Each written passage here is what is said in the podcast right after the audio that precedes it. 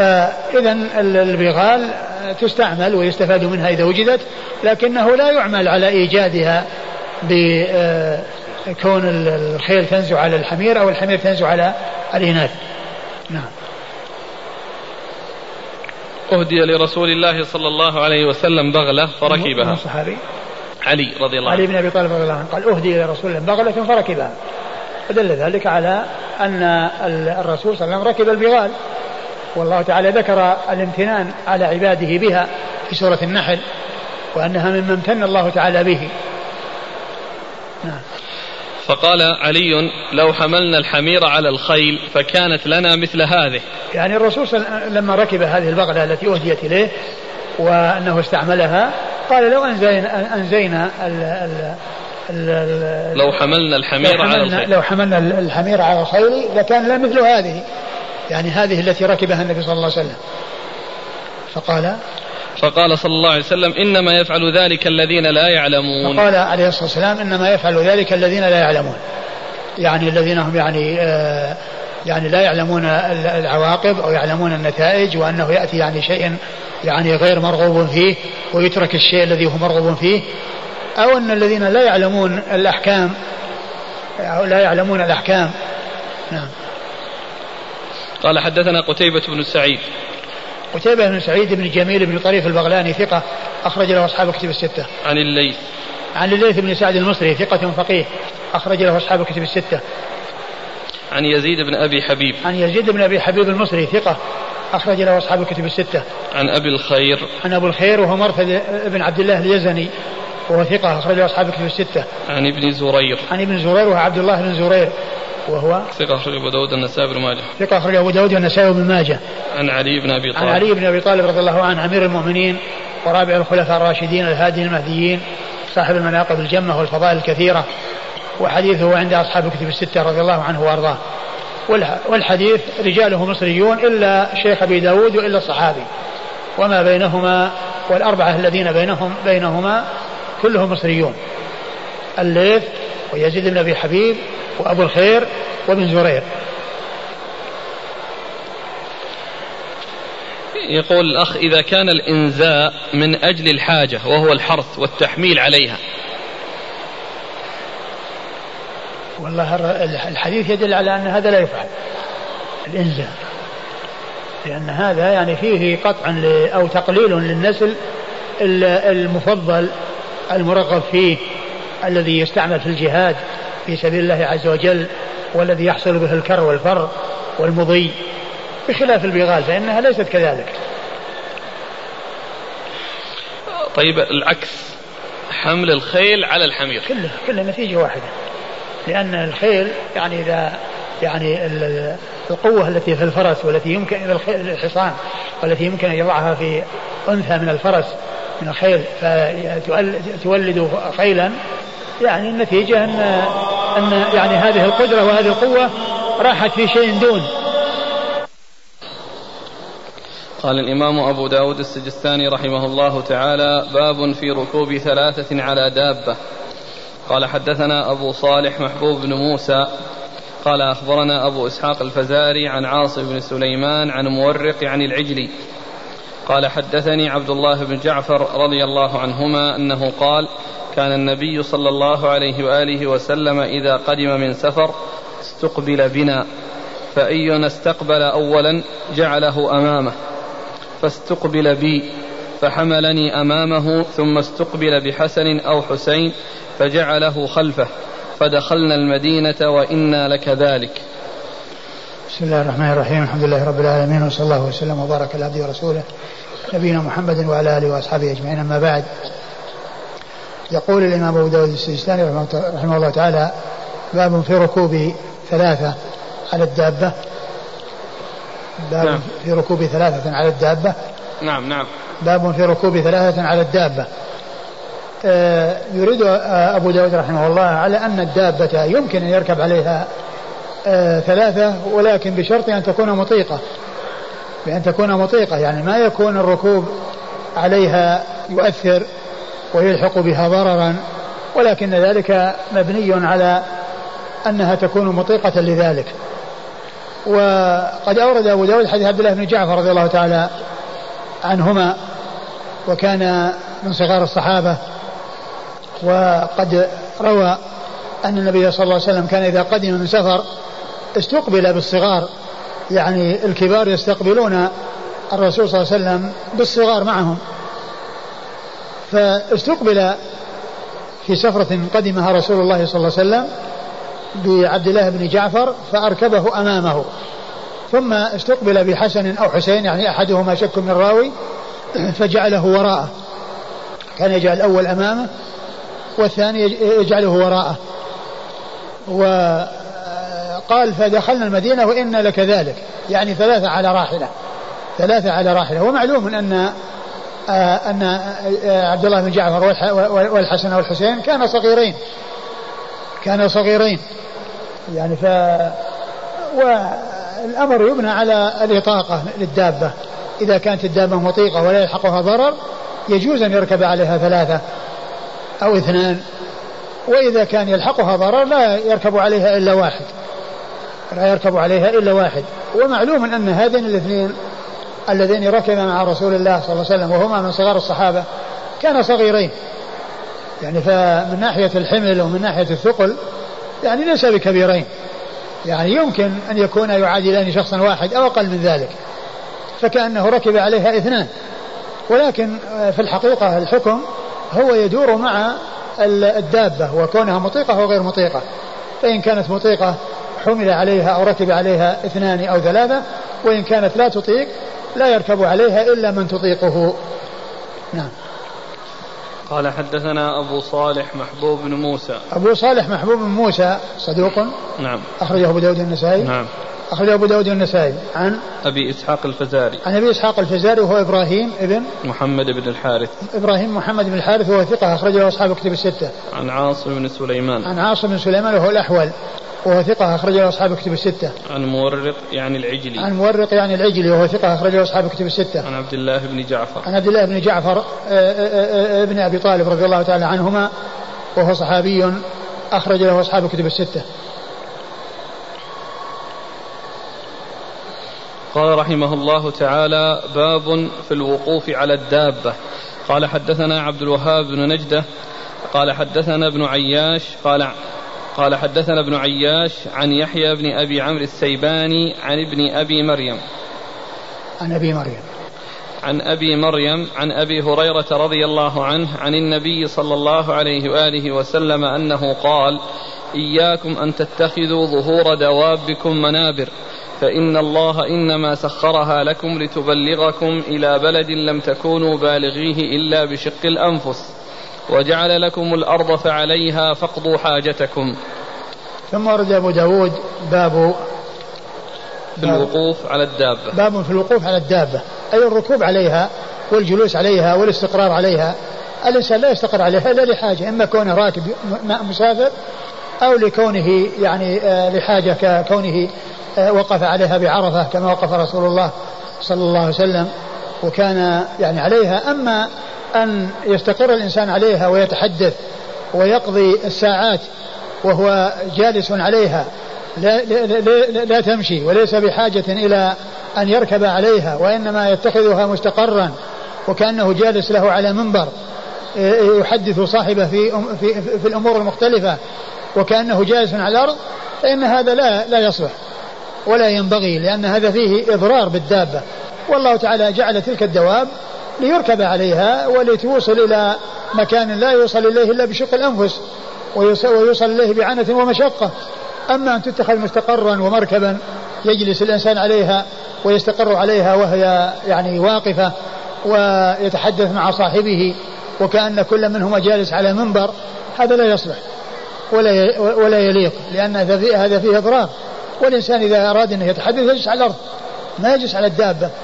فيؤذيها ويعني يكون آه، جالس عليها كأنه جالس على كرسي أو جالس على منبر وإنما إذا لم يكن هناك حاجة يجلس على الأرض. وأما إذا كان هناك حاجة بأن يكون يعني مرتفع أو أن آه، يعني آه، يقف عليها بعرفة أو يعني يخطب عليها كما خطب الرسول صلى الله عليه وسلم وهو على على ناقته. يعني فذلك لا بأس به وإنما المحذور أن يتخذها مستقرا له. والمقصود بالوقوف هو الاستقرار عليها وليس معنى ذلك أن يقف عليها على رجليه لأن وقوفه على رجليه إذا تحركت يسقط وإنما المقصود أنه يعني يستقر عليها ويجلس عليها فتكون مستقرا لكأنه جالس على الأرض كأنه جالس على الأرض وكأنه واقف على الأرض. هذا هو الذي آه، يمنع منه وهو الذي نهى عنه الرسول صلى الله عليه وسلم. أورد أبو داود حديث أبي هريرة. قال إياكم أن تتخذوا ظهور دوابكم منابر. إياكم أن تتخذوا ظهور دوابكم منابر. يعني آه تجلسون عليها وتستقرون عليها كاستقرار الواحد على المنبر وجلوسه على المنبر. نعم. فإن الله إنما سخرها لكم لتبلغكم إلى بلد لم تكونوا لا. بالغيه. إن الله سخرها لكم لتوصلكم إلى بلد لم تكونوا بالغيه لا بشق الأنفس لتركبوا عليها ولتقطعوا المسافات. أما أن يتخذها الإنسان مستقرا له وهي واقفة ويجلس يحدث صاحبه كأنهما جالسان على كأنهما جالسان على الأرض يتحدثان ويؤذيان الدابة فهذا لا لا يليق ولا يصلح. نعم. وجعل لكم الأرض فعليها فقضوا حاجتكم. وجعل لكم الأرض فعليها فقضوا حاجتكم. يعني بدل ما تجلسوا على البعير اجلسوا على الأرض وتحدثوا كيف شئتم واجلسوا كيف شئتم. أما أن يكون الواحد مستقرا على البعير يحدث صاحبه ويؤذي البعير فهذا لا يصلح. والله قد جعل لكم الأرض اقضوا حاجتكم. يعني اجلسوا عليها واقضوا حاجتكم. يعني تحدثوا كيف شئتم واجلسوا كيف شئتم وإنما المحذور أن تجلسوا على الإبل والدواب فتؤذوها بطول الجلوس الذي لا يحصل من ورائه فائدة والفائدة إنما هي بقطع المسافات وكل إنسان يسلم من التعب والنصب في المشي فيركب هذا هو الذي يناسب مع الإبل. أما أن يتخذ الإنسان منبرا أو مستقرا فهذا لا يصلح. فالحديث إذا كان حديث أو مجرد حديث أو قطع يعني الوقت بالأحاديث فليكن والمتحدثان على الأرض لا على الدواب. نعم. قال حدثنا عبد الوهاب بن نجدة. عبد الوهاب بن نجدة ثقة أخرج له. أبو داود النسائي. أبو داود والنسائي عن ابن عياش. عن ابن عياش وهو سليمان بن عياش وهو صدوق في روايته عن الشاميين مخلط في غيرهم وهذا من رواية عن الشاميين. وهو أخرج له. البخاري في رفع اليدين. البخاري في رفع اليدين وأصحاب السنن. نعم. وأصحاب السنن.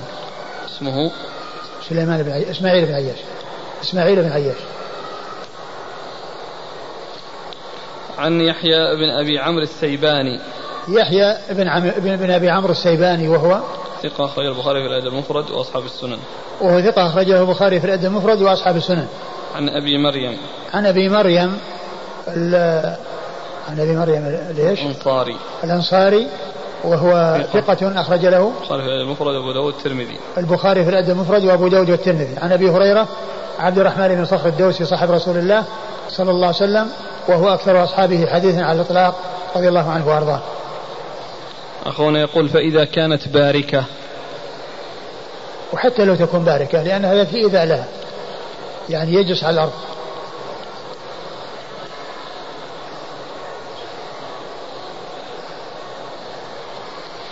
قال رحمه الله تعالى باب في الجنائب.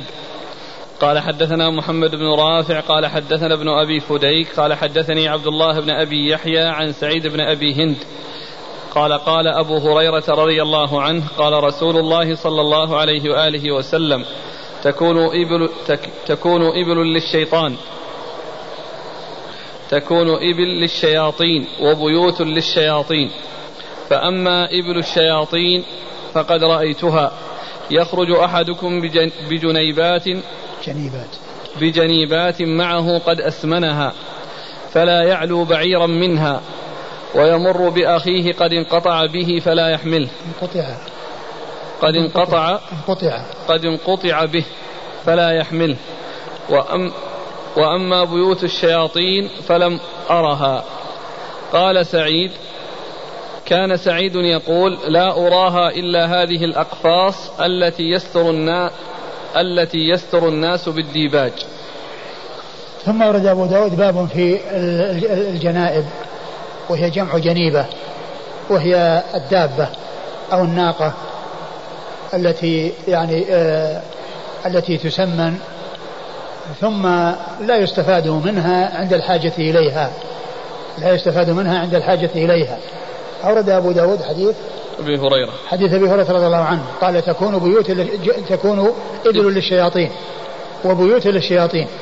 فأما فأما إبل الشياطين فتكون الرجل عنده الجنيبات من الإبل.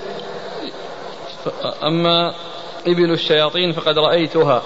يخرج أحدكم بجنيبة أما إبل الشياطين فقد رأيتها. يخرج أحدكم بجنيبات بجنيبات معه. معه. قد أسمنها. قد أسمنها. يعني آه، قد قام بعلفها وهي سمينة وقادرة على أن يركب عليها وأن يحمل عليها ولكنه لا يعني يجعل أحد يعلو عليها وقد يمر بالشخص المنقطع في الفلاة فلا يحمله عليها مع أنه بحاجة إليها وهي عندها قدرة لأنه قال قد أسمنها يعني سمينة.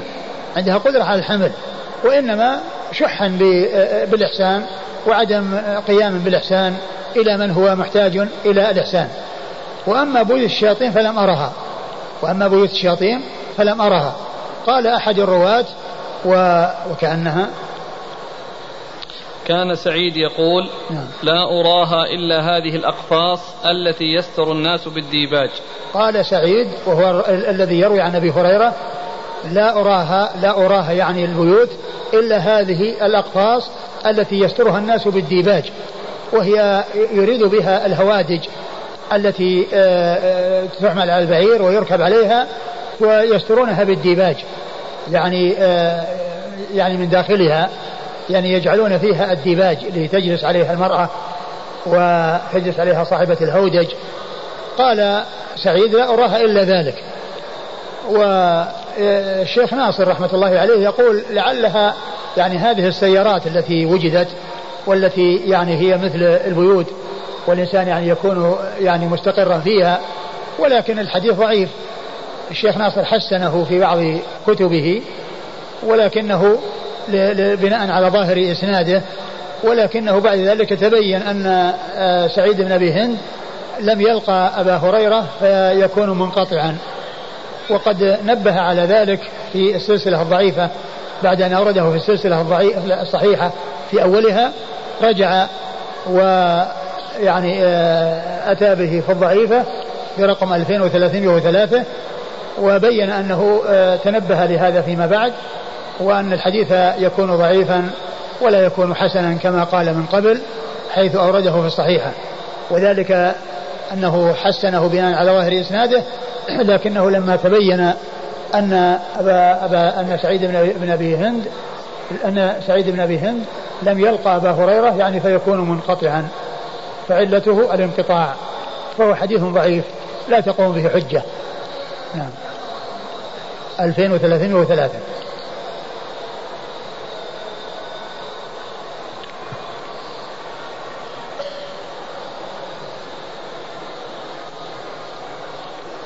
وكان يعني ذكره في المئة الأولى يعني من الصحيحة يعني في أول الصحيحة ولكنه بعد ذلك أشار إلى يعني وقوفه على العلة وأنه ضعفه لذلك. نعم الجنيبة؟ الجنيبة هي الدابة من الإبل التي تسمن وتكون يعني قوية ولكن يعني ما يحصل الاستفادة منها. هي الجنيبة هي الناقة القوية. لأنه قال أسمنها. والبيوت البيوت. قيل هي فسرها سعيد بأنها الهوادج هذه التي هي أقفاص يعني قفص يعني هودج كالقفص. يعني تكون فيه المرأة يعني يحمل على الدابة يصير يعني هوادج تحمل على الدابة فتكون المرأة في داخل الهودج. فيكسى بالديباج فيكون مثل البيت. بس هناك يعني إنها يعني ما ما حد يركبها ويمر على من هو محتاج إليها فلا يركبها. هنا إذا كانت هذا هذا بالنسبة للابل بالنسبة نعم. للجنيبة وأما بالنسبة هذه بيوت. يعني قال إنها بيوت ولكنها الآن يعني هي على تفسير سعيد هي تتعلق بالإبل لأن الهوادج إنما تحمل على الإبل. الهوادج تحمل على الإبل المرأة تكون في هودج تدخل فيه وتستقر فيه. وعائشة رضي الله عنها كانت في هودج لما كانوا في الغزوة التي التي كانت فيها وفقدت لما تخلفت. يعني كانت خفيفة ما فيها لحم وحملوا الهودج وظنوا إنها فيه. ثم بعد ذلك راحوا تركوها. وأتى بها صفوان بن معطل. يعني كانت في الهودج حملوا الهودج فكان خفيفا وكانت هي خفيفة فظنوا أنها فيه. فالهوادج هي الاقفاص على ما قال سعيد. ويحتمل أن تكون غير ذلك لكن الحديث من أصله يعني غير ثابت.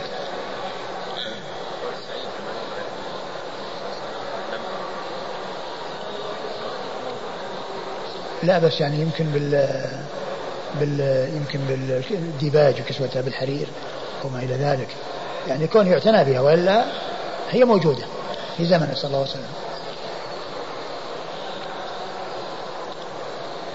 قال حدثنا محمد بن رافع. محمد بن رافع النيسابوري القشيري هو شيخ مسلم وهو من بلده وقبيلته لأن مسلم قشيري ونيسابوري ولهذا لما ذكر ابن الصلاح يعني البخاري ويعني مسلم قال أن البخاري الجعفي مولاهم وذكر المسلم قال القشيري من أنفسهم القشيري من أنفسهم يعني منسوب إليهم نسبة أصل ونسبة نسب وليست نسبة ولاء وهو, وهو, وهو ثقة أخرج له أصحاب الكتب الستة إلا ابن ماجه. وهو أي محمد بن رافع هو الذي روى مسلم عن طريقه كل الأحاديث التي هي من صحيفة همام منبه. صحيفة همام منبه التي انتقى منها حديث كثيرة منها ما اتفق مع البخاري معه البخاري فيه ومنها ما, ما انفرد عن البخاري فيه كلها من طريق محمد بن رافع عن عبد الرزاق عن معمر عن همام عن أبي هريرة. فهو مكثر عنه أي مسلم مكثر عن محمد بن رافع هذا. وهو من أهل بلده ومن قبيلته. نعم. عن ابن أبي فديك. عن ابن أبي فديك وهو محمد بن مسلم. ابن أبي فديك وهو صدوق أخرج له أصحاب الكتب الستة. محمد. محمد محمد بن مسلم؟ بن إسماعيل. محمد بن إسماعيل. ابن مسلم. محمد إسماعيل بن مسلم. ابن أبي فديك صدوق أخرج له أصحاب الكتب الستة. عبد عن عبد الله بن أبي يحيى. عن عبد الله بن أبي يحيى وهو؟ ثقة. أخرجه البخاري في الأدب المفرد وأبو داود. ثقة أخرجه البخاري في الأدب المفرد وأبو داود. عن سعيد بن أبي هند. عن سعيد بن أبي هند وهو ثقة أخرجه أصحاب الكتب الستة. عن أبي هريرة. عن أبي هريرة عبد الرحمن بن صخر الدوسي صاحب رسول الله صلى الله عليه وسلم وأكثر أصحابه حديثا على الإطلاق رضي الله عنه وأرضاه. العلة هي الانقطاع بين سعيد بن أبي هند وأبي هريرة لأنه لم يلقه فروايته مرسلة روايته عن أبي هريرة فيها إرسال.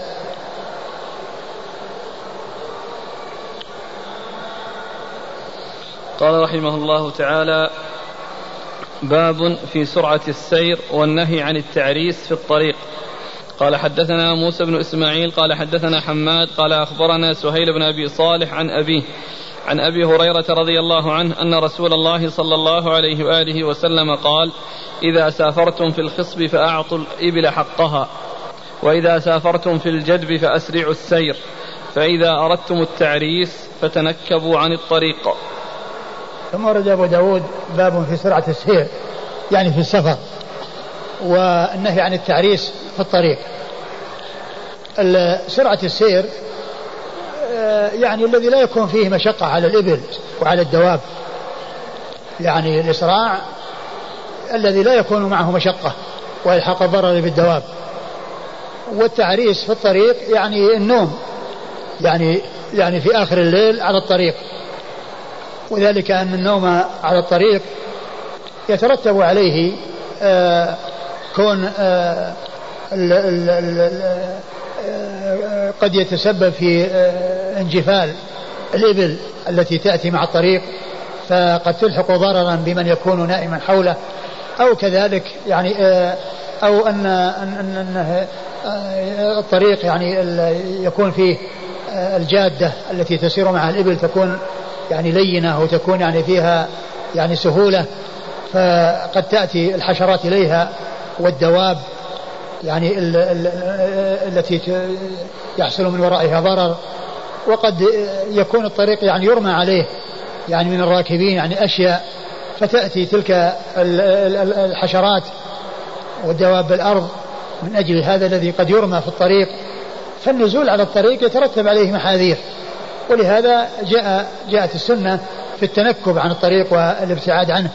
يعني ما يكون حوله بحيث يعني يلحق الإنسان به ضرر إما بكون آه، إبل تنفر فتطأه أو دواب تكون يعني جاءت للطريق يعني تلتمس شيئا رمي على الطريق من المارة والمشاة فيها ويترتب على ذلك آه، آه، إضرار بمن حول الطريق من الذين عرسوا وناموا فيه. أورد أبو داود حديث أبي هريرة. نعم. حديث أبي هريرة أن النبي صلى الله عليه وسلم قال إذا سرتم إذا إذا سافرتم نعم. في الخصم إذا سافرتم في الخصم فأعطوا آه، آه، الإبل حقها. يعني معناه خففوا السير حتى ترعى وحتى تستفيد من هذا الخصم. وإذا كان جذب يعني وقحط فأسرعوا لأن الإسراع بها آه، فيه قطع للطريق لئلا يصيبها يعني ضعف. فتعجز عن إيصال من تحمله إلى إلى ما يريد. وقد يكون وراء هذا المكان المجذب مكان مخصب. يعني تستفيد الإبل منه. فجاءت السنة بأن الأرض المخصبة يعني لا يسرع فيها حتى تستفيد الإبل منها والأرض المجذبة يسرع فيها حتى لا يحصل إعياء بها وعدم قدرة على مواصلة السير. وأيضا لما يمكن أن يحصل من وجود خصب بعد أرض مخصبة بعد أرض مجذبة وإذا عرستم في الطريق فإذا أردتم التعريس. وإذا أردتم التعريس أردتم أن تستريحوا وأن تنزلوا يعني في آخر الليل فتنكبوا الطريق يعني ابتعدوا عن الطريق. يعني حتى لا يحصل لكم أذى بسبب النزول قريبا منه. نعم. قال حدثنا موسى بن إسماعيل. موسى بن إسماعيل التبوذكي البصري ثقة. أخرج له أصحاب كتب الستة. عن حماد. عن حماد بن سلمة بن دينار البصري ثقة. أخرجه البخاري تعليقا ومسلم وأصحاب السنن. عن سهيل بن أبي صالح. سهيل بن أبي صالح وهو صدوق. أخرجه أصحاب كتب الستة ورواية البخاري عن مقرون. عن أبيه عن أبيه أبو صالح السمان ذكوان. وهو ثقة. أخرج له أصحاب كتب الستة. عن أبي هريرة. عن أبي هريرة وقد مر ذكره. قال حدثنا عثمان بن أبي شيبة قال حدثنا يزيد بن هارون قال أخبرنا هشام عن الحسن عن جابر بن عبد الله رضي الله عنهما عن النبي صلى الله عليه وآله وسلم نحو هذا قال بعد قوله حقها ولا تعد المنازل ثم أورد أبو داود الحديث عن جابر. نعم. عن جابر وهو بمعنى الأول وقال فيه ولا تعد المنازل يعني يعني من حيث الإسراع يعني كونه يعني أمر بالإسراع يعني في في حال الجذب أو في حال كون الأرض مجذبة.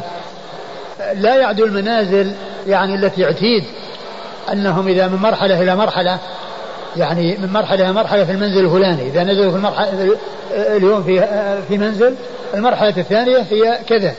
مثل ما كان معروف أن الطرق يعرفونها بالمراحل. ويحددونها بالمراحل من مكة إلى المدينة تسع مراحل. فإذا صارت في سبع مراحل يعني معناه في تعب على الدواب. يعني يزيد على الشيء المعتاد. فقالوا لا, لا تعدوا المنازل أي التي اعتيد أن تكون مراحل للنزول.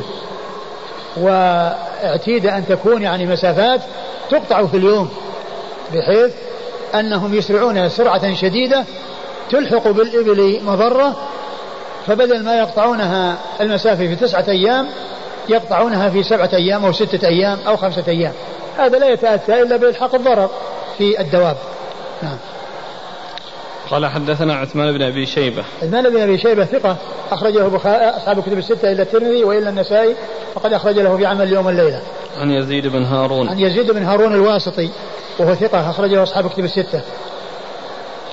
عن هشام. عن هشام وهو بن حسان ثقة أخرج له أصحاب كتب الستة. عن الحسن. عن الحسن بن أبي الحسن البصري ثقة أخرج له أصحاب كتب الستة. عن جابر بن عبد الله. عن جابر بن عبد الله الأنصاري رضي الله تعالى عنهما وهو الصحابي الجليل أحد السبعة المعروفين بكثرة الحديث عن النبي صلى الله عليه وسلم قال رحمه الله تعالى باب في الدلجة قال حدثنا عمرو بن علي قال حدثنا خالد بن يزيد قال حدثنا أبو جعفر الرازي عن الربيع بن أنس عن أنس رضي الله عنه أنه قال قال رسول الله صلى الله عليه وآله وسلم عليكم بالدلجة فإن الأرض تطوى بالليل. ثم رد أبو داود باب في الدلجة. في الدلجة. والدلجة هي قيل هي السير في أول الليل وقيل هي السير في الليل كله. وقيل هي السير في الليل كله. يعني ال ال وذلك لأن الليل يعني يكون فيه النشاط ويكون فيه البراد يعني في في الصيف. ال يعني ال ال الارتياح في المشي فيه يعني يكون يعني يختلف عن النهار من جهة أن النهار يكون فيه شمس ويكون فيه يعني آه قد يكون يعني في أشياء يعني آه مثل مثل الشمس والحرارة. ولكن في بالنسبة لليل يكون آه قطع المسافة فيه ولهذا يقولون عند الصباح يحمد القوم السرى عند الصباح يحمد القوم السرى الذين يسرون في الليل ويمشون في الليل إذا أصبحوا حمدوا حمدوا سيرهم لأنهم قطعوا مسافة. قال فإن المساء فإن الأرض تطوى بالليل. يعني معناه في خفة السير وسهولة السير يعني في الليل للنشاط والبراد الذي يكون فيه يعني يختلف عن سير النهار. نعم. حقيقة. حقيقة؟ وش تطوى. يعني المقصود يعني أن قطع المسافة. قطع المسافة لأنه لا شك أن الإنسان إذا كان يسير في براد وفي نشاط غير ما إذا كان يسير في في مشقة وفي حرارة لأن السير في الليل مع القوة والنشاط يختلف عن السير في في النهار مع الحرارة وشدة الشمس. يعني معناه المسافة التي تقطع أكثر المسافة التي تقطع في في في النهار. لا الطي حقيقة. ما يقال؟ تطوى يعني تنكمش الأرض؟ إيه؟ لا. المقصود من ذلك يعني قطعها قطعها بسهولة. لا أن الأرض أنها تنكمش له. بدل ما تكون يعني 500 كيلو تصير 200 كيلو. قال حدثنا عمرو بن علي. عمرو بن علي هو الفلاس. عمرو بن علي الفلاس وهو ثقة أخرجه أصحاب الكتب الستة بل هو شيخ لأصحاب الكتب الستة. عن خالد بن يزيد. عن خالد بن يزيد وهو صدوق يهم أخرجه أبو داود الترمذي. صدوق يهم أخرجه أبو داود والترمذي. عن أبي جعفر الرازي. عن أبي جعفر الرازي وهو صدوق سيء الحفظ. نعم. آه. أخرج البخاري في الأدب المفرد وأصحاب السنن. أخرجه البخاري في الأدب المفرد وأصحاب السنن. عن الربيع بن أنس. عن الربيع بن أنس وهو صدوق له أوهام. صدوق له أوهام أخرج له أصحاب السنن. أخرجه أصحاب السنن. عن أنس. أنس بن مالك رضي الله عنه خادم رسول الله صلى الله عليه وسلم وأحد السبعة المعروفين بكثرة الحديث عن النبي صلى الله عليه وسلم. قال رحمه الله تعالى باب رب الدابة أحق بصدرها. قال حدثنا أحمد بن محمد بن ثابت المروزي قال حدثني علي بن حسين قال حدثني أبي قال حدثني عبد الله بن بريدة قال سمعت أبي بريدة رضي الله عنه يقول بينما رسول الله صلى الله عليه وآله وسلم يمشي جاء رجل ومعه حمار فقال يا رسول الله اركب وتأخر الرجل فقال رسول الله صلى الله عليه وآله وسلم لا أنت أحق بصدر دابتك مني إلا أن تجعله لي قال فإني قد جعلته لك فركب. ثم رد أبو داود باب في صدر الدابة. رب الدابة أحق. باب رب الدابة أحق في صدرها. يعني المقصود بالصدر هو مقدمها الذي آآ آآ يعني الذي يلي رقبتها. يعني ما يلي الرقبة هذا هو صدرها. ويعني والمؤخر هو العجز. في صدر وفي عجز. فصاحب الدابة هو أحق بصدرها إذا كان ركب مع أحد إلا أن يجعل ذلك الحق الذي له يتنازل عنه لغيره. يتنازل عنه لغيره. والنبي صلى الله عليه وسلم وقد أورد أبو داود حديث ورده من الحصير رضي الله عنه أن أن رجلا النبي صلى كان يمشي فجاء رجل على حمار وكان قد ركب على صدره فتأخر وقال يا رسول الله اركب. فقال رب الدابة أحق بصدرها إلا أنت أنت أحق بصدرها إلا أن تجعله لي. إلا أن تجعله لي. هو طبعا جعله له لأنه لما تأخر جعله له لأنه كان راكب في الأول وبعدين تأخر. فهو جعل له. لكن النبي صلى الله عليه وسلم أراد أن يبين الحكم الشرعي وأنه هو الأحق وأنه إذا أذن فيه لغيره فإن الحق يكون لمن أذن له فيه. فقال لا إلا أن قال لا إلا قال لا. أنت أحق بصدر لا دابتك أنت أحق بصدر دابتك, دابتك إلا أن تجعله لي. إلا أن تجعله لي. قال قد جعلته لك. نعم. قد جعلته لك فركب رسول الله صلى الله عليه وسلم. هو يعني صنيع ذلك الرجل من أول وهلة يدل على أنه يريد أن يركب أمامه ولكنه أراد أن أن النبي صلى الله عليه وسلم أراد أن يبين الحكم الشرعي للناس وأن صاحب الدابة أحق بها إلا أن يجعله لغيره فيكون حكما عاما. لو أن النبي صلى الله عليه وسلم ركب ولم يبين ذلك ما عرف ما عرف هذا الحكم. لكن كون النبي صلى الله عليه وسلم قال صاحب الدابة حق بصدرها وقال يعني لا إلا أن تجعله لي.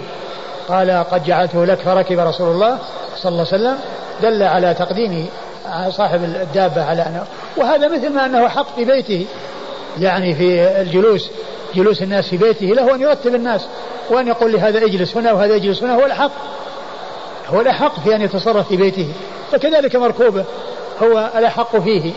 نعم.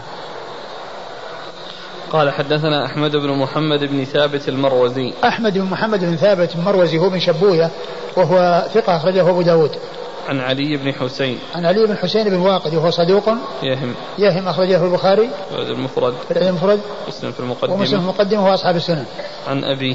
عن أبيه حسين بن واقد وهو ثقة أخرج له. له أوهام ثقة له وأوهام أخرج له. البخاري تعليقا ومسلم وأصحاب السنن. البخاري تعليقا ومسلم وأصحاب السنن. عن عبد الله بن بريدة. عن عبد الله بن بريدة رضي الله عنه. عبد الله بن بريدة رحمة الله عليه وهو ثقة أخرج له أصحاب كتب الستة. عن أبيه. عن أبيه بريدة رضي الله عنه وهو صحابي أخرج له أصحاب كتب الستة. وعبد الله هذا أخو سليمان. وهما آه يعني أحدهما خرج أصحاب كتب الستة وعبد الله وأما سليمان فلم يخرج له البخاري وإنما خرج له مسلم فقط مع أصحاب السنن وقد مر سليمان قريبا. نعم. جاءت الأسئلة في السيارات الآن. نعم. صدر الدابة مثلها. مثلها. مقدم السيارة. إلا إذا كان صاحب يعني صاحب ال صاحب ال السيارة يعني يريد أن يركب في المؤخر وأن يختار المؤخر يعني لا بأس بذلك. يجلس في الأمام. يعني يجلس فيه يعني غيره إذا كان يختار أن يكون في المؤخر. مثل شيخنا شيخ عبد رحمة الله عليه ما كان يجلس إلا في مؤخر السيارة. ما كان يجلس إلا في مؤخرة السيارة. وصدرها ما كان يركب به. وكان ذلك رحمة الله عليه من أجل أن يكون بجواره الكاتب يقرأ عليه. لأن في سيارته يقرأ كتب ويكمل كتب وهو يقرأها في السيارة. يعني بين في أي مكان يذهب يعني يقرأ كتب أو يقرأ عليه معاملات. فكان يختار أن يكون في المؤخرة حتى يكون الكاتب بجواره. يعني يملي ويكتب.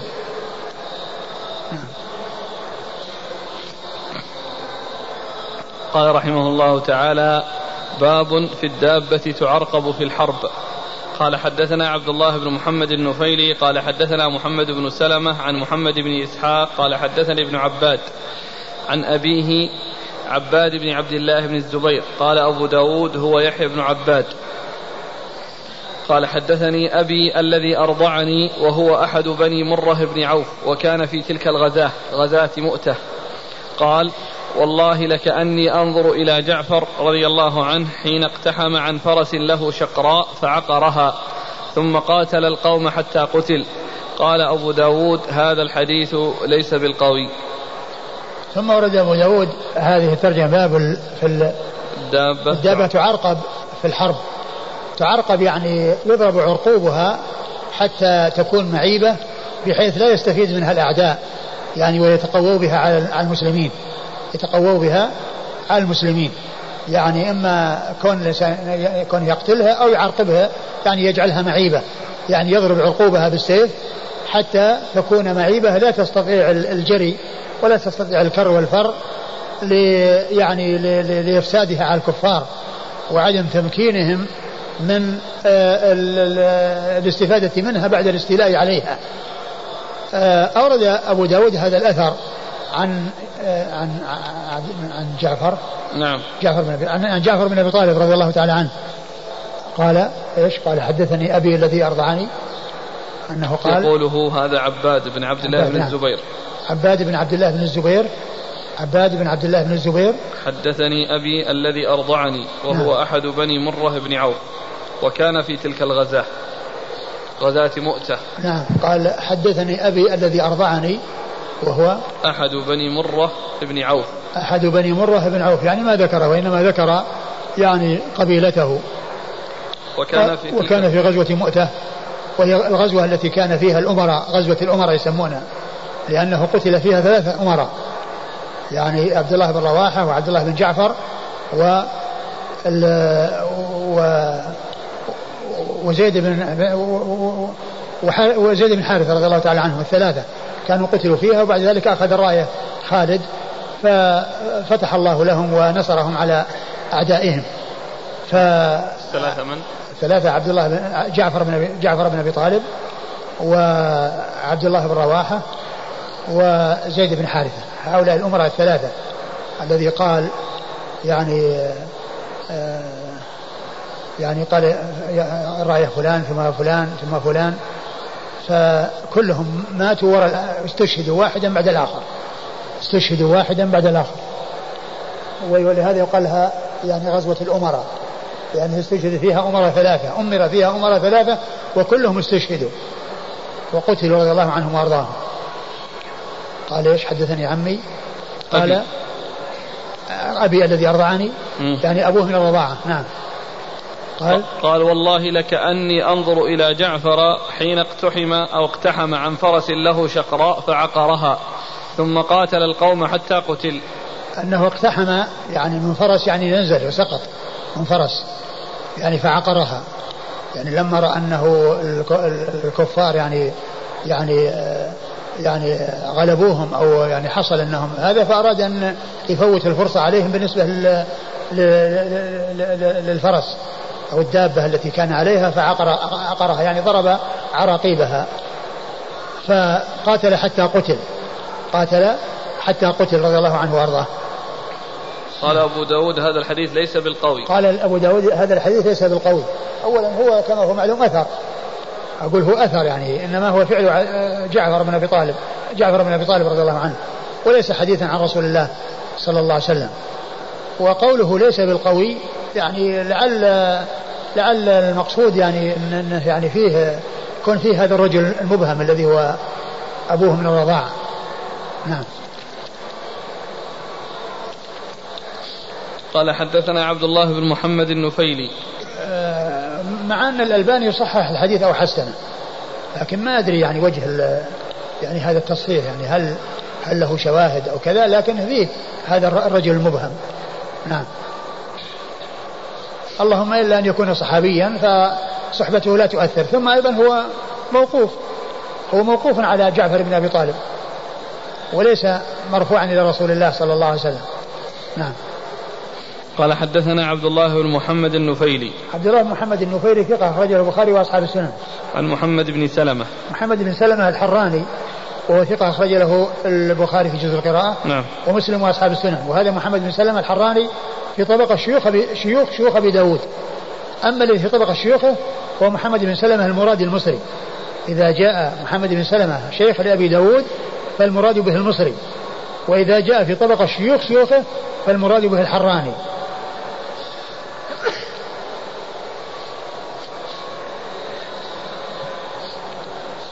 عن محمد بن إسحاق عن محمد بن إسحاق المدني وهو صدوق أخرجه البخاري تعليقا ومسلم وأصحاب السنن عن ابن عباد عن ابن عباد وهو يحيى ابن عباد ابن عبد الله بن الزبير وهو ثقة أخرجه البخاري في جزء القراءة وأصحاب السنن. وهو ثقة أخرجه البخاري في جزء القراءة وأصحاب السنن. عن أبيه عباد بن عبد الله بن الزبير. عن أبيه عباد بن عبد الله بن الزبير وهو ثقة أخرجه أصحاب الكتب الستة. عن أبيه الذي أرضعه. عن أبيه الذي أرضعه ولا أعرف عنه شيئا. الأخ يقول إيش معنى العرقوب؟ العرقوب هو ال ال الذي يكون بين بين الساق وبين القدم. هذه العراقيب. يعني العقوب هو هذا. المفصل الذي بين الساق والقدم. ها؟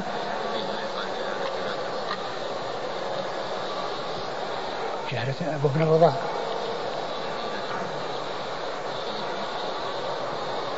طيب وإذا شهد موته قد يكون شهده هو مو صحابي. لكن يمكن غالبا يكون صحابي. يعني ما دام الجيش يعني أرسله الرسول صلى الله عليه وسلم يعني غالبا يكون صحابي. أقول في الغالب. لأنه يعني في زمن الرسول صلى الله عليه وسلم والجيش الذي أنفذه الرسول عليه الصلاة والسلام وهو الذي قال يعني يكون الأمير فلان ولا فلان ولا فلان. نعم. هو في الغالب يكون صحابي لكنه كما هو عن أثر هو على كل أثر وليس بحديث عن رسول الله صلى الله عليه وسلم. نعم. قال رحمه الله تعالى باب في السبق. قال حدثنا أحمد بن يونس قال حدثنا ابن أبي ذئب عن نافع بن أبي نافع عن أبي هريرة رضي الله عنه أنه قال قال رسول الله صلى الله عليه وآله وسلم لا سبق إلا في خف أو حافر أو نصل. قال باب السبق والسبق هو الجعل الذي يكون للسابق من المتسابقين. وجعل السبق هو جعل يكون على السبق يعني لمن يسبق السبق بالفتح فتح الباء مقدار من المال يجعل لمن يحصل منه السبق عند السباق وذلك يعني إنما يكون بالخف والحافر والنصل نعم. والنصل الذي هو الرماية أو الرمي يعني المسابقة في الرمي والتنافس فيه وكونه يصيب أو لا يصيب هذا يعني يكون السبق فيه لأن هذه من وسائل الحرب وفيها استعداد للحرب وفيها تمرن فشرع أن يجعل آه، آه، فيه الجعل أو ساغ أن يجعل فيه الجعل في حق من يسبق لأن فيه تنافس على معرفة آه، تلك الأمور التي تعين في الحرب والتي فيها قوة المسلمين. فأورد أبو داود حديث. أبي هريرة. حديث أبي هريرة رضي الله عنه النبي صلى الله عليه وسلم قال لا سبق إلا في حف في خف أو حافر أو نصل. يعني خف يعني خف البعير. حافر يعني يكون للخيل وكذلك يكون للحمار ويكون أيضا للبغل. كل هذه يعني ذات حواثر يعني ذات حافر تدخل تحت عموم قوله حافر أو نصل الذي هو السهام التي يرمى بها. بأي وسيلة من الوسائل يكون الرمي فإن ذلك يعني سائغ وأخذ الجعل فيه سائغ قال حدثنا أحمد بن يونس. أحمد بن يونس ثقة أخرج له أصحاب كتب الستة. عن ابن أبي ذئب. عن ابن أبي ذئب وهو محمد بن عبد الرحمن بن المغيرة. ابن أبي ذئب ثقة أخرج له أصحاب الكتب الستة. عن نافع بن أبي نافع. عن نافع بن أبي نافع وهو ثقة. أخرج أبو داود الترمذي والنسائي. وهو صدوق أخرج له ثقة. ثقة. نعم. ثقة أخرج له؟ أبو داود الترمذي والنسائي. أخرجه أبو داود والترمذي والنسائي. عن أبي هريرة. عن أبي هريرة عبد الرحمن بن صخر الدوسي صاحب رسول الله صلى الله عليه وسلم وأكثر أصحابه حديثا على الإطلاق. آه الرواة أحمد بن يونس. أحمد يونس. ابن أبي ذئب. ابن أبي ذئب. نافع بن أبي نافع. وأبو هريرة. رباعي. هذا من من أعلى الأسانيد عند أبي داود.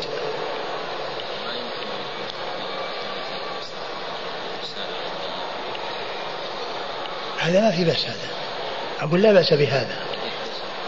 نعم لا بس هذاك يعني فيما يتعلق بال بالمسابقة يعني في يعني بالشيء الذي فيه سبق وتغلب طبعا وتغلب.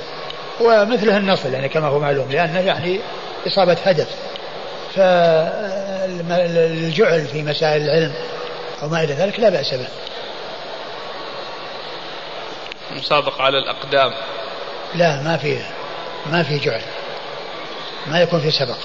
السبق للأمور الثلاثة هذه اللي جاءت وأما المسابقة على الأقدام ما فيها شيء لأنها ما ليست من وسائل الحرب المسابقة على الأقدام.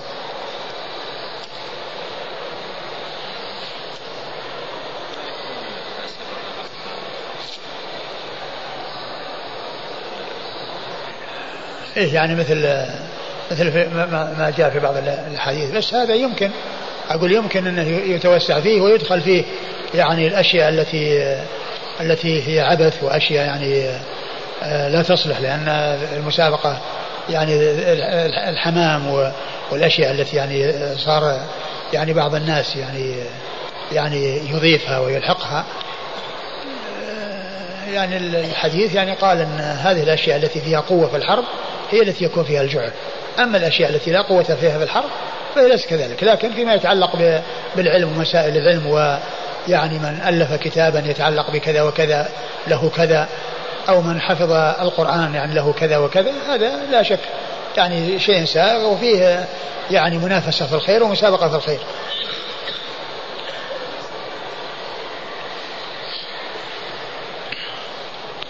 قال حدثنا عبد الله بن مسلمة القعنبي عن مالك عن نافع عن عبد الله بن عمر رضي الله عنهما أن رسول الله صلى الله عليه وآله وسلم سابق بين الخيل التي قد ضمرت من الحيفاء وكان أمدها ثنية الوداع.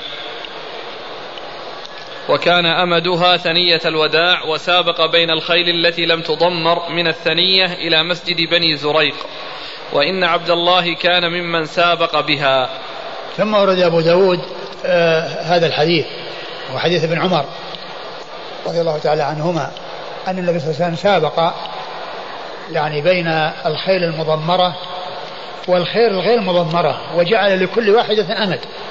فالخيل المضمرة جعل لها أمد مقداره ستة أميال كما جاء في صحيح مسلم بين الحفية وبين آه، ثنية الوداع. والغير المضمرة من ثنية الوداع إلى مسجد بني زريق والمسافة بينهما ميل. بينهما ميل كما جاء في صحيح مسلم. فالمضمرة أمدها بعيد لقوتها ونشاطها وغير المضمرة آه، جعل الأمد قصير.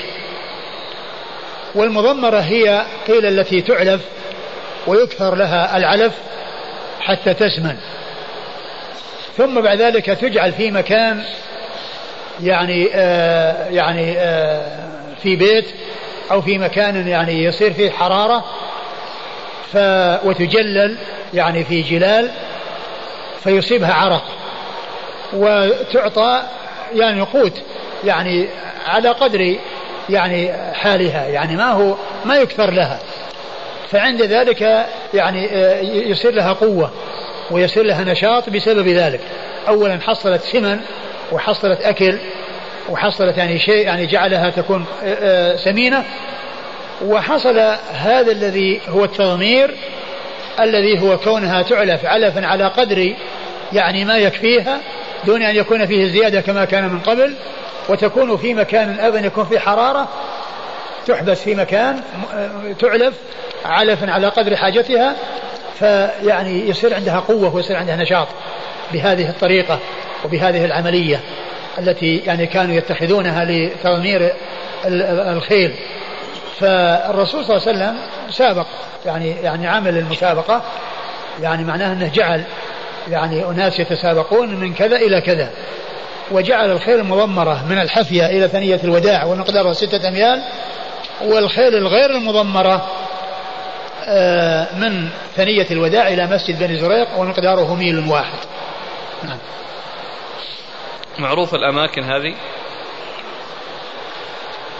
ثنية الوداع يقال إنها هي التي في أول طريق سلطانة التي في أول طريق سلطانة عند مفترق الطريق الذي يذهب لسيد الشهداء والذي يذهب إلى طريق سلطانة يقال إنها هناك. والحفية والمسجد الزريق ما أعرف يعني شيء عن اماكنهما لكنه خارج لكنه خارج المدينة. يعني معناه أنهم يعني يأتون إلى الثنية. يعني من الحفية إلى الثنية. يعني من خارج المدينة إلى آه، الثنية. يعني من مكان بعيد إلى مكان قريب. كأن الأمد والغاية التي ينتهون إليها بالنسبة للمضمرة أنه من مكان بعيد إلى مكان قريب. وأما اللي هي من الثنية إلى مسجد بني زريق ما أدري في أي مكان.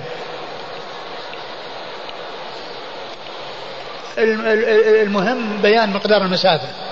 وأن هذه ميل وهذه ستة أميال. هذه مسافة طويلة وهذه مسافة قصيرة. نعم.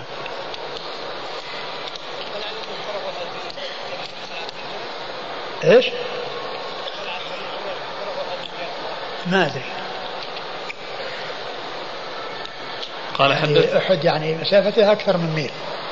يعني من هنا إلى ذاك أكثر من ميل. نعم. قال حدثنا عبد الله بن مسلمة القعنبي عبد الله بن مسلمة القعنبي آه ثقة أخرجه أصحاب كتب الستة إلا ابن ماجه. عن عن مالك عن مالك بن أنس إمام دار الهجرة المحدث الفقيه أحد أصحاب المذاهب الأربعة المشهورة من مذاهب السنة حديث أخرجه أصحاب كتب الستة. عن نافع عن نافع وهو مولى بن عمر وهو ثقة أخرجه أصحاب كتب الستة. عن عبد الله بن عمر رضي الله تعالى عنهما وهو أحد العباد الأربعة من أصحاب النبي صلى الله عليه وسلم وأحد السبعة المعروفين بكثرة الحديث عن النبي صلى الله عليه وسلم. ثم ذكر أن ابن عمر ممن سابق يعني من جملة المتسابقين. هذا ما هو خيول؟ في شيء ثاني. في خيول. لا السباق. أقول في خيول. السباق موجود. يعني يتسابقون السباق موجود. ما تسمعون في, في الإذاعة كثير من من المسابقات على الخيل وعلى غير الخيل. نعم. هو النبي صلى الله عليه وسلم سابق لأجل الغزو والجهاد. إيه نعم. هو الغاية الغاية يعني التي كان يسابق من أجلها ما هي موجودة. وأما المسابقة موجودة. لا قصد ولا شك أن الخيل وإبقاؤها والعناية بها هذا شيء طيب. يعني بدلا من كونها تندرس وتهمل ويعني لا يعني يكون لها بقاء هذا ما هو طيب. النبي صلى الله عليه وسلم قال الخير معقود في نواصيها الخير إلى يوم القيامة. كونه يعتنى بالخيل وأنها تبقى ولو لم يوجد جهاد لا شك إن هذا أمر مطلوب. لا ينبغي إهمالها والاعراض عنها أو يعني آه، إغفالها لأن الرسول صلى الله عليه وسلم قال انه معقود في نواصيها الخير إلى يوم القيامة أنها ستبقى. أنها ستبقى وستكون موجودة في آخر الزمان والناس يعني يقاتلون عليها. وقد يكون قتالهم عليها لأن ال ال لأن الآلات الحديثة انتهت أو أنها موجودة أو أنها موجودة لكن غالبا أنه ما يحتاج إليها أو ما يصار إليها إلا إذا كان غيرها مما هو أقوى منها غير موجود. قال حدثنا مسدد قال حدثنا معتمر عن عبيد الله عن نافع عن ابن عمر رضي الله عنهما أن النبي صلى أن نبي بعض الله الناس بعض الناس يشكك يعني في الأحاديث يعني بعد ما وجد التقدم في الصناعة يعني مثل مثل ما فعل محمد فريد وجدي في كتابه يعني آه، كتابه آه، إيش القرن العشرين إيش الكتاب يعني موسوعة اسمه اسمه كذا لا مو موسوعة اسم آخر كذا يعني القرن العشرين. اسم يعني المهم إنه يعني فيه معلومات يعني آه، وكان مما ذكره عندما جاء عند الدجال تكلم في الدجال كلام سخيف كلام باطل وقال حديث الدجال كلها موضوعة كل حديث الدجال موضوعة. ثم راح يستدل على وضعها وجاب من بينها حديث النواس بن سمعان الطويل الذي في صحيح مسلم. حديث النواس بن سمعان الذي في صحيح مسلم وحديث طويل. وكان فيه أن يأجوج ومأجوج يرسلون نشابهم إلى السماء. فيقول قتلنا من في الأرض فنقتل من في السماء. فيقول أن الذي وضع الحديث هذا الحديث كل رجال ثقات ما فيهم وضاع وهم رجال مسلم والحديث في صحيح مسلم. أن الذي وضع الحديث هذا يعني قاصر نظر أو كلام هذا معناه ما درى أنه بعد كذا سيظهر كذا وكذا وأنه بعد ذلك ستظهر الطائرات وأنه بعد ذلك سيوجد كذا وسيوجد كذا. وجاب أشياء من الأشياء اللي وجدت. وهذا يعني والعياذ بالله آه، طعن في الأحاديث وطعن في السنن وتكذيب لما تواترت به الأحاديث عن رسول الله صلى الله عليه وسلم. وقضية أن الشاب يعني كما كما أن الناس يستعملون الخيل لأن هذه هذه الوسائل قد لا توجد قد تكون انتهت. يمكن أن تكون انتهت. يعني مو محقق أنها ستبقى إلى آخر الزمان.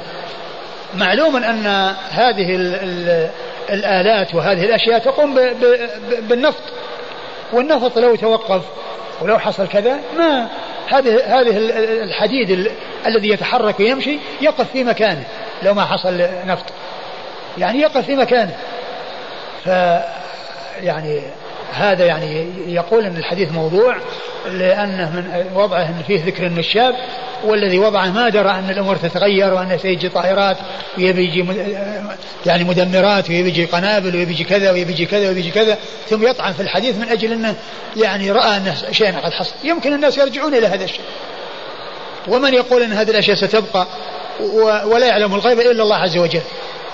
وكونهم سيستعملون الخيل في آخر الزمان. يعني يدل على أن أو يشير إلى أن هذه الأشياء غير موجودة. لأنها لو كانت موجودة يعني يصار إلى الأقوى. لكن حيث تكون الغزو على الخيل يعني والذهاب على الخيل والجهاد على الخيل في آخر الزمان وقد جاءت في ذلك الأحاديث عن رسول الله صلى الله عليه وسلم. الحاصل أن محمد فريد وجدي في كتابه هذا دائرة معارف. دائرة معارف القرن العشرين نعم. دائرة معارف القرن العشرين. دائرة معارف القرن العشرين. يعني في كتابه هذا تكلم كلاما عن الدجال وقال أحاديثه كلها موضوعة ملفقة. مع أنها متواترة كثير منها في الصحيحين. ولكن الإنسان اللي يحكم عقله يعني يوقع عقله في المهالك والعياذ بالله. كان حديث النواس بن سمعان هذا الطويل أظنه هو أو حديث آخر يعني طويل في الدجال. كان بعض العلماء وبعض السلف قال في آخره يعني كان يعني ينبغي أن يعلم الصغار في الكتاب. يعني هذا الحديث الذي في الدجال وأخبار الدجال ينبغي أن يعلم الصغار في الكتاب. ومع ذلك محمد فريد ويدي يقول أنه الأحاديث الدجال كلها موضوعة وهذا موضوع. ويمثل على وضعه بذكر النشاب الذي يرسله يأجوج ومأجوج. يقول قتلنا من في الأرض فلنقتل من في السماء وترجع عليهم يعني بالهم يعني مخضوبة دما. يعني ابتلاء وامتحان. فال محل الشاهد يكون قال النشاب يعني وقال هذا شيء يعني الذي وضعه يعني قاصر نظر أو كذا يعني ما علم إنه سيتغير الأمور وإنه سيكون كذا وسيكون كذا. ما من يعلم من, من يعلم ماذا يكون في آخر الزمان؟ العلم عند الله عز وجل. لا يعلم الغيب إلا الله.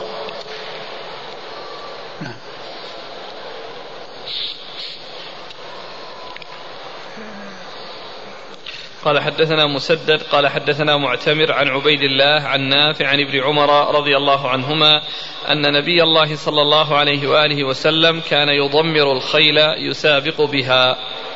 ثم ورد حديث ابن عمر أن النبي صلى الله عليه وسلم كان يضمر الخيل يسابق بها. يضمر الخيل التضمير عرفنا يعني عرفناه في كما في الحديث السابق الخيل المضمرة وأن هذا من فعل الرسول صلى الله عليه وسلم وأن ذلك فيه تقوية للخيل. وقدرة عليها على الكر والفر والسرعة. نعم. والإسناد مسدد. قال حدثنا مسدد. مسدد آه، بن مسرهد ثقة أخرجه البخاري وأبو داود والترمذي والنسائي. عن معتمر. معتمر بن سليمان بن طرخان التيمي ثقة أخرج له أصحاب كتب الستة. عن عبيد الله. عن عبيد الله عن, عن نافع. نعم. عن عبيد الله هو بن عمر بن حفص بن عاصم بن عمر العمري المصغر ثقة أخرج له أصحاب كتب الستة. عن نافع. عن نافع عن ابن عمر وقد مر ذكرهما. قال حدثنا أحمد بن حنبل قال حدثنا عقبة بن خالد عن عبيد الله عن نافع عن ابن عمر رضي الله عنهما أن النبي صلى الله عليه وآله وسلم سبق بين الخيل وفضل القرح في الغاية. ثم أورد حديث ابن عمر أن النبي سبق بين الخيل يعني سابق بينها وفضل القرح في الغاية يعني الغاية التي هي الأمد الذي يعني الذي ينتهى إليه يعني جعل لها مسافة أكثر. آه، القرح قيل هي التي آه، دخلت في السنة الخامسة. التي دخلت في السنة الخامسة. قال فضل القرح أي نعم. فضل القرح في الغاية. قال إيش الأول الحديث؟ سبق بين الخيل نعم. وفضل القرح في الغاية. القرحة هي التي أكملت أربع سنوات ودخلت في الخامسة. في الغاية يعني الأمد الذي ينتهى إليه والذي يسابق من بداية إلى نهاية النهاية يقال لها الغاية ويقال لها الأمد نعم. قال حدثنا أحمد بن حنبل أحمد بن حنبل أحمد بن محمد بن حنبل الشيباني الإمام المحدث الفقيه أحد أصحاب المذاهب الأربعة المشهورة في مذاهب أهل السنة وحديثه أخرج أصحاب الكتب الستة. عن عقبة بن خالد. عن عقبة بن خالد وهو صدوق أخرج أصحاب الكتب. صدوق أخرج أصحاب الكتب. نعم. صدوق أخرج أصحاب الكتب الستة. عن عبيد الله عن نافع عن ابن عمر. عن عبيد الله عن نافع عن عمر عن ابن عمر وقد مر ذكرهم. هو هذا حي هذا الرجل. ها؟ حي. اللي هو؟ هذا وجدي ذا فريد. ها؟ فريد وجدي أو محمد فريد وجدي. لا لا من زمان ميت. ما حكم من من على شاكلته؟ رد السنة وإنكار الأحاديث. والله يعني والله لا شك أنه على خطر عظيم خاصة مثل حديث الدجال. حديث الدجال حديث متواترة. يعني بلغت يعني مبلغا مو سهل. بل بل النبي صلى الله عليه وسلم آه، أمر بالتعوذ منه في آخر كل صلاة. والنبي ما حذر أمته يعني كل نبي حذر أمته المسيح الدجال. وفتنة الدجال يعني من أعظم الفتن. ويعني الحقيقة يعني مثل آه، حديث الدجال حديث متواترة. يعني إنكارها يعني الإنسان يخاطر بدينه والعياذ بالله. وحديث المهدي وإنكارها. وحديث المهدي أيضا من جنسها إلا أنها أقل. أقل من حديث الدجال يعني من حيث الشهرة والكثرة والتواتر. هي كلها متواترة. يعني حكى جماعة من العلم تواترها. ولكن حديث الدجال يعني أكثر ووجودها في الصحيحين بكثرة يعني بخلاف يعني ما في حديث المهدي. حديث المهدي ما جاء يعني في الصحيحين يعني نص على ذكر المهدي وإنما جاء في أحاديث كثيرة في غير الصحيحين. صحيح أن حديث المهدي ما جاءت إلا من طرق لابد فيها واحد من الشيعة. لا مو صحيح. مو صحيح أن كلها ما فيها إلا واحد من الشيعة؟ لا مو إيه. صحيح. وإنما هي كثيرة جدا متواترة جاءت عن يعني عن يمكن يعني عن أكثر من عشرين شخص من الصحابة. هنا يعني في نعم. وأيضا حكى تواترها جماعة كثيرون. كثيرون يعني حكوا تواترها. يعني من المتقدمين والمتأخرين وأنها بلغت حد التواتر. لكنها دون أحاديث الدجال. لا من حيث الصحة ولا من حيث الكثرة. الدجال أكثر وأصح. في عون المعبود قال القرطبي لا خلاف في جواز المسابقة على الخيل وغيرها من الدواب. وعلى الأقدام وكذا الترامي بالسهام واستعمال الأسلحة لما في ذلك من التدريب في الحرب. إيه بس بدون بدون بدون سبق. المقصود المسابقة لا بأس لكن الكلام على السبق.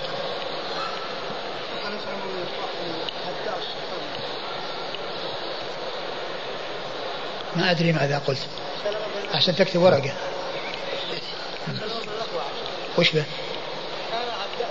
نعم سباق نعم لا شك سباق لكن الكلام على الجعل أخذ الجعل المسابقة على الأقدام ما ورد فيه شيء لأنه قال لا سبق إلا في كذا وكذا. هذا أرسل فائدة أنه الذي قال أنه ينبغي أن يعلم الصبيان يقول السفاريني. السفاريني اللي يقوله؟ هذا كتب أخونا كذا. لا متقدم. متقدم أظنه موجودا في سنن أبي داود في سنن ابن ماجه. إيه. سنن ماجه في آخر حديث يعني في آخره. يعني قال فلان ينبغي أن يعلم الصغار إبراهيم الحربي. إيه. يعني متقدم هذا من هذا قديم صاحب غريب الحديث.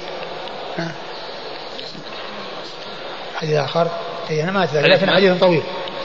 لكن حديث حديث الدجال. وهم في موضوعه يقول حديث النواس وقال السفارين. أقول صاحبنا اذا وهي لا أنا أنا أنا قلت احتمال ان يكون حديث النواس ما جزمت. لا بس هو أخونا. أيوة. أخونا أرسل لنا ورقة. يقول الحديث هو حديث النواس في مسلم وهو الطويل والسفارين هو الذي قال يمكن لعل قاله يعني في في بعض مؤلفاته. في بعض مؤلفاته. يمكن قاله يعني أو نقله يعني في مؤلفاته يعني في شرح لعل في شرح كتابه الكواكب الدرية اللي اللي له لوامع. الانوار نعم وكان يعني هو له نظم له نظم وبعدين شرحه فيكون لعله ذكر فيه. جزاكم الله خيرا. لكنه موجود في سنن ابن ماجه في آخر الحديث الطويل. قال الإمام أبو داود السجستاني رحمه الله تعالى باب في السبق على الرجل. قال حدثنا أبو صالح الأنطاكي محبوب بن موسى. قال أخبرنا أبو إسحاق يعني الفزاري عن هشام بن عروة عن أبيه وعن أبي سلمة.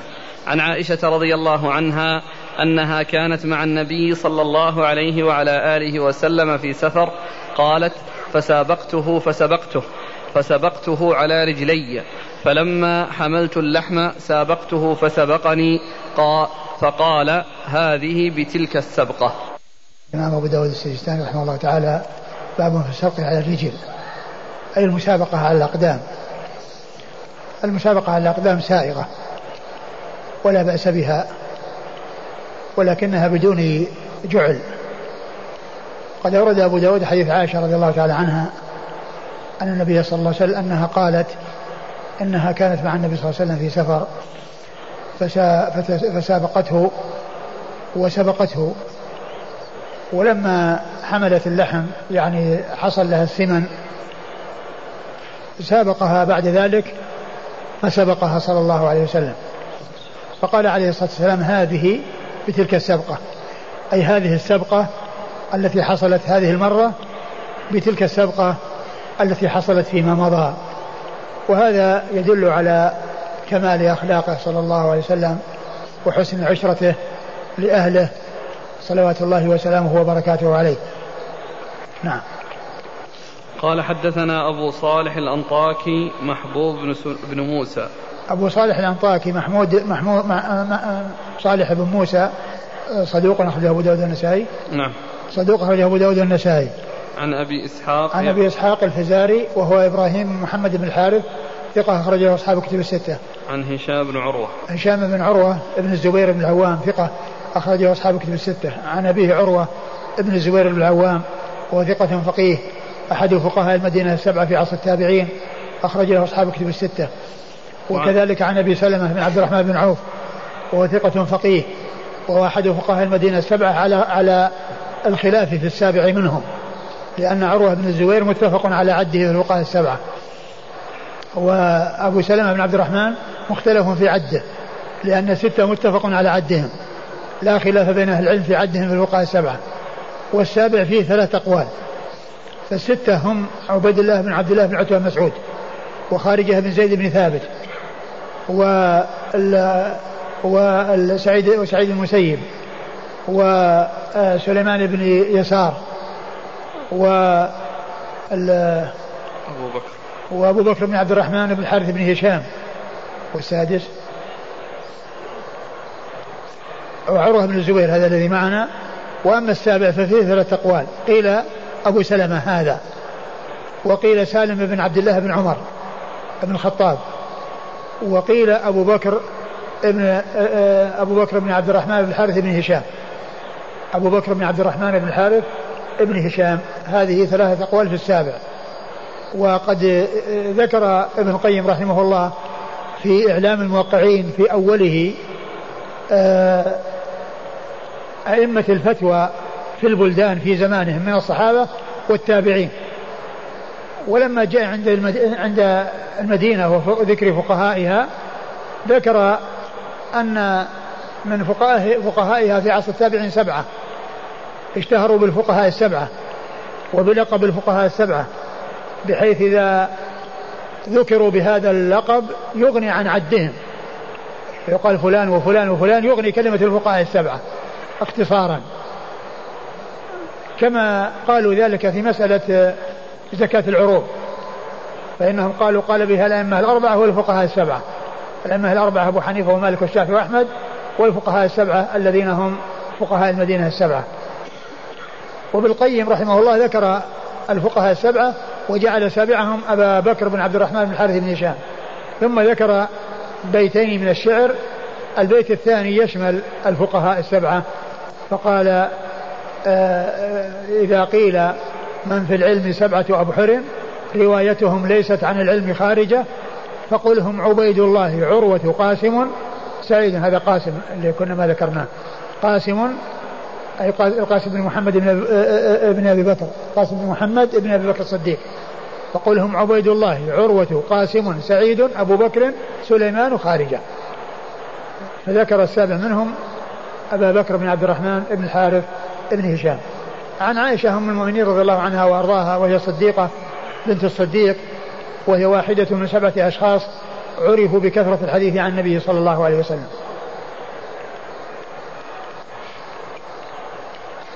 ذكرتم أن المسابقة على الأقدام بدون جعل. نعم. ولو كان من خارج المتسابقين. ولو كان خارج المتسابقين. قال رحمه الله تعالى باب في المحلل. قال حدثنا مسدد قال حدثنا حسين بن نمير قال حدثنا سفيان بن حسين قال حاء وحدثنا علي بن مسلم قال حدثنا عباد بن العوام قال أخبرنا سفيان بن حسين المعنى عن الزهري عن سعيد بن المسيب عن أبي هريرة رضي الله عنه عن النبي صلى الله عليه وآله وسلم أنه قال من أدخل فرسا بين فرسين يعني وهو لا يؤمن أن يسبق فليس بقمار. ومن أدخل فرسا بين فرسين وقد أمن أن يسبق فهو قمار. ثم ورد أبو داود باب في المحلل. نعم. باب في المحلل. المحلل هو هذا الثالث الذي ذكره المصنف في هذا الحديث بين المتسابقين. المتسابقين. يكون معهما شخص ثالث هذا الشخص الثالث يعني يكون فيما إذا كان الجعل من كل واحد منهما. كل واحد منه جعل. يقول إن سبقت فأنت تعطيني كذا وهذا يقول إن سبقت تعطيني كذا. يعني فكل واحد منهم يعني آه، يلتزم للآخر بأنه إذا كان مسبوقا بأنه يعطيه. وهذا الثالث الذي يأتي بينهما قيل له محلل من أجل أنه يحلل آآ آآ لكل واحد منهما يعني ما يستحق من الآخر بمعنى أنه ليس لا يكون بين طرفين فقط فيكون يعني شبيها بالقمار وإنما يكون من ثلاثة أطراف يعني معهم طرف ثالث معهم طرف ثالث يعني يكون محللا وصف بأنه محلل. وهذا المحلل له ثلاث حالات إن كان معروف ومتيقن بأنه يسبق فهذا قالوا لا يجوز لأن دخوله بينهما معلوم مقدما أنه سيأخذ العوض فدخوله لا حاجة إليه. والثانية أن يكون معروف بأنه لا يسبق لأن فرسه أو جواده يعني آه يعني فيه إعياء فمعلوم أنه سيكون وراءهم. هذا وجوده مثل عدمه كالأول. وإذا كان وإذا كان يعني آه لا يغلب على ظنه لا يسبق ولا يتأخر. وإنما يمكن محتمل يسبق ويمكن يحتمل لا يسبق بأن يكون هو مثلهم. يعني آه, آه، متقارب مع الفرسين. لأنه من يكون مثل الفرسين فهذا هو الاحتمال يكون أنه يسبق أو أنه يتأخر. وإذا كان أجود من الفرسين المتسابقين معناه أنه هو الذي سيأخذ هذا الذي يكون بينهما. وإن كان معلوم أنه لا يسبق لضعفه ولهزاله أو لإعيائه فأيضا هذا كذلك يعني وجوده كعدمه وإنما هذا يعني يكون محللا ويكون يعني سائقا على ما جاء في الحديث إذا كان لا يؤمن. يعني بأنه بمعنى أنه محتمل بأن يسبق ومحتمل أن لا يسبق فيكون مثلهم. ولهذا المتسابقين يعني يكونون متماثلين. يعني في في المتسابق عليه. يعني من ناحية يعني الجودة وكذا. أما إذا يعني كونه يعني يتسابق يعني آه، صاحب جواد قوي وصاحب جواد هزيل وكذا هذا المسابقة من, من أصلها لا وجه لها. ولهذا يقولون عند الشيء الذي فيه تماثل وتناسب يقول كفرسي رهان كفرسي رهان يعني معناه أنهم يعني ما يسبق أحدهم الثاني لتماثلهما. ولهذا قالوا في آه، محمد بن مثنى ومحمد بن بشار يعني كما قال الحافظ في, في التقريب في ترجمة محمد المثنى قال وكان هو بن دار كفرسي رهان ومات في سنة واحدة. قيل أنهم كانوا متماثلين في الشيوخ ومتماثلين في التلاميذ متماثلين في البلد ومتماثلين يعني في العمر ومات في سنة واحدة. فقيل لهما إنهما كافرسي رهان يعني ما أحد يسبق الثاني. لأن الفرسين اللي يسابق بينهما يصير يعني بينهم شيء من التماثل. ما هو واحد جواد وواحد هزيل. لأن المسابقة عند ذلك تكون معروف مقدما بأنها آه، آه، لاغية وأنه لا قيمة لها بمعنى أن واحد سابق وواحد مسبوق. فال المحلل يعني في حالتين دخوله وجوده مثل عدمه لا قيمة له بحيث يكون جوادها أحسن من جوادهما ويكون معلوم بأنه يسبق أو أن جواده يعني آه، فيه عياء وتعب وأنه لا يسبق فيكون وراهم يعني في الساقة ولا يكون مثلهم ولا يسبقهم فهذان آه، يعني في هاتين الحالتين لا قيمة أو لا اعتبار لهذا المحلل. وأما إذا كان مثلهما مثلهما يعني مثل الفرسي الرهان. يعني مماثلهم وقد يتقدم وقد يتأخر قد يسبق أحدهما وقد يسبق هو. فهذا هو الذي قالوا يكون محللا. وهذا إنما يكون فيما إذا كان الجعل من كل واحد منهما. أما إذا كان من واحد منهما فلا يدخل المحلل. وإذا كان من خارج من يعني آه، شخص يعني أجنبي أو ثالث يعني لا دخل له في المسابقة وإنما جعل جعلا أيضا هذا ما له دخل في المحلل. وأبو داود أورد حديث حديث إيش؟ أبي هريرة. حديث أبي هريرة. هو حديث ضعيف. لا يحتج به. ولا تقوم به حجة. وعلى هذا فالمحلل يعني ما ثبت في هذا الحديث الذي جاء فيه أو الذي ورد فيه. ولهذا أورده الحافظ بن حجر في البلوغ وقال سنده ضعيف. وهنا فيه شخصان كل منهما ضعيف. يعني أورده المصنف من طريقين وكل منهما ضعيف. أحدهما فيه سفيان بن حسين وهو يروي عن الزهري وهو ضعيف في الزهري باتفاقهم. والثاني آه، بشير بن أو سعيد بن بشير. سعيد بن بشير وهذا ضعيف. فالحديث جاء من طريقين كل منهما ضعيف فليس بثابت عن رسول الله صلى الله عليه وسلم. نعم. من أدخل فرسا بين فرسين. خاص بالفرس.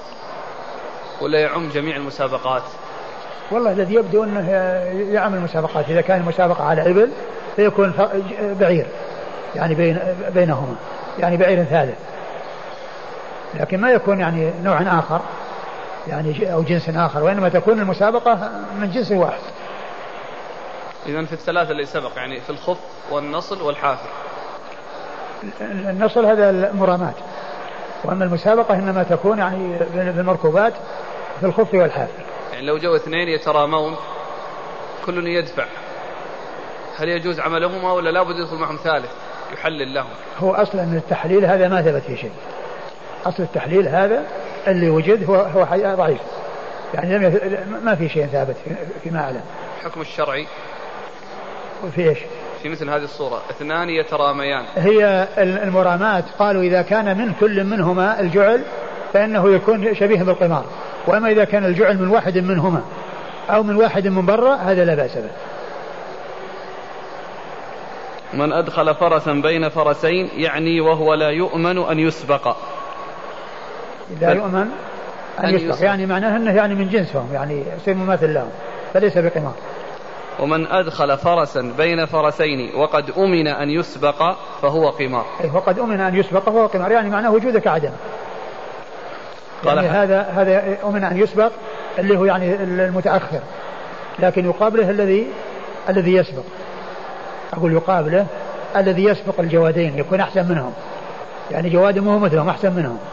اللي هو حق جواد المحلل. هاتين الحالتين يصير وجوده مثل عدمه.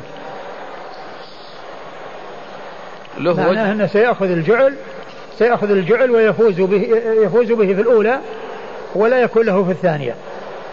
اللي هي قضية كونه آه، آه، فيه عياء وأنه يعني آه، يؤمن أن يؤمن أن يسبق. يعني فيكون قمار معنى ذلك أن أن أولئك يعني صارت المسألة بينهم كأنه ما دخل بينهم شخص ثالث. ما دام أنه يعني وجوده مثل عدمه كأنه ما دخل بينهم. فيصير قمار لأنه صار من الجهتين. له وجه بفتح اللام المحلل. لا المحلل. ما هو المحلل؟ المحلل اللي هو الشخص الثالث محلل. قال حدثنا مسدد. مسدد بن مسرهد البصري ثقة أخرجه البخاري وأبو داود والترمذي والنسائي. عن حسين بن نمير. عن حسين بن نمير وهو لا بأس به أخرج البخاري وأبو داود والترمذي والنسائي. لا بأس به أخرجه البخاري وأبو داود. وأبو داود والترمذي والنسائي. عن سفيان بن حسين. عن سفيان بن حسين وهو صدوق في غير الزهري. وحديثه أخرجه البخاري تعليقا ومسلم في المقدمة وأصحاب السنن. البخاري تعليقا ومسلم في المقدمة وأصحاب السنن. قال حا وحدثنا علي بن مسلم. حا وحدثنا علي بن مسلم وهو ثقة أخرج البخاري وأبو داود النسائي.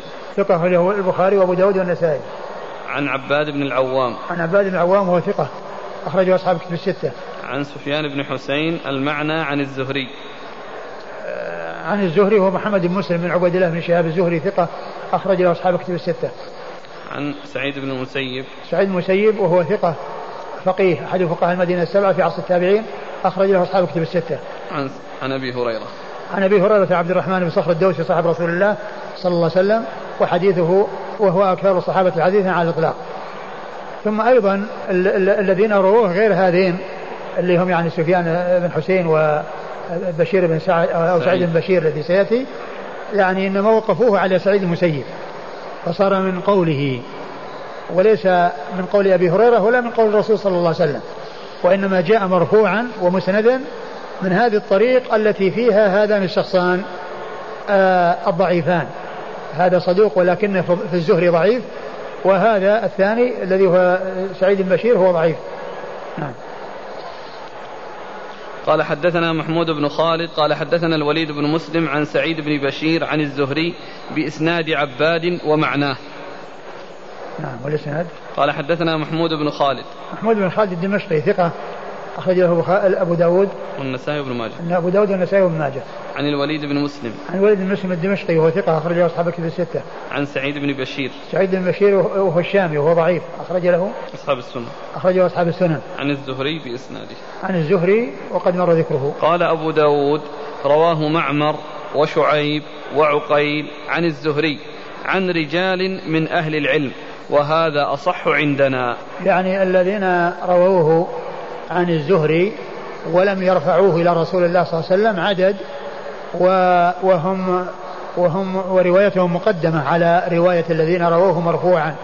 وعلى هذا فيكون الحديث لا يثبت مرفوعا عن رسول الله صلى الله عليه وسلم.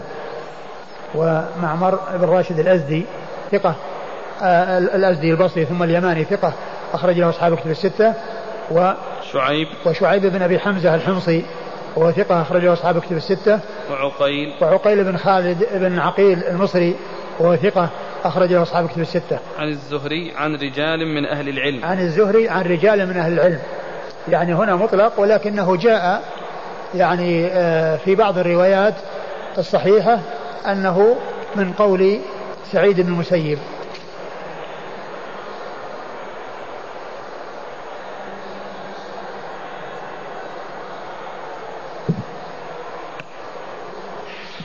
قال رحمه الله تعالى باب في الجلب على الخيل في السباق. قال حدثنا يحيى بن خلف قال حدثنا عبد الوهاب بن عبد المجيد قال حدثنا عنبسة قال حا وحدثنا مسدد قال حدثنا بشر بن المفضل عن حميد الطويل جميعا عن الحسن عن عمران بن حسين رضي الله عنهما عن النبي صلى الله عليه وآله وسلم أنه قال لا جلب ولا جنب. زاد يحيى في حديثه في الرهان. ثم ورد أبو داود باب في, في الجلب على الخيل في السباق. باب في الجلب على الخيل في السباق. الجلب هو زجرها والصياح بها من أجل أن تجري. هذا يسمى الجلب. و أبو داود رحمه الله ذكر الترجمة في الجلب مع أن فيه جلب وجنب. والجلب هو زجرها والصياح عليها و قيل وكانوا يعني يكون صفوف يعني فيصيحون يعني بها و يعني آه، وقيل إن المقصود يعني قيل إن المقصود بذلك أنها لا تزجر ويصاح بها وإنما تحرك يعني بال يعني بال برسنها ويعني شيء بدون صياح و لا ج... هذا هو الجلب. وقد أورد أبو داود حديث عمران بن حصين. حديث عمران بن حصين رضي الله عنه قال لا جلب ولا جنب في في الرهان. في الرهان يعني في المسابقة. يعني في المسابقة بين الخيل أو بين الإبل. يعني لا يكون جلب أي هو أن يصاح بها ولا جنب بأن يكون هناك فرس ثالث أو رابع يكون معهم يعني يجري معهم بحيث إنه تعب إذا تعب المركوب يتحول على الثاني. يتحول على الثاني وإنما يكون على الفرسين فقط دون أن يضاف إليهم شخص حيوان ثالث أو دابة ثالثة. يعني تسير إلى الجنب بحيث إذا تعبت المركوبة يتحول منها إلى التي هي بجنبها وبجوارها. فلا جلب ولا جنب في الرهان أي في المسابقة على الخيل والإبل. لا جلب ولا جنب. نعم. قال حدثنا يحيى بن خلف. يحيى بن خلف هو صدوق خير مسلم وأبو داود والترمذي وابن ماجه. صدوق خير مسلم وأبو داود والترمذي وابن ماجه. عن عبد الوهاب بن عبد المجيد. عن عبد الوهاب بن عبد المجيد الثقفي وهو ثقة أخرجه أصحاب كتب الستة. عن عنبسة. عن عنبسة هو بن سعيد القطان أخرج له أبو داود. قال الحافظ. الحافظ قال إنه ليس له رواية لكن هذا الحديث يعني أقول الحديث هذا يعني من روايته.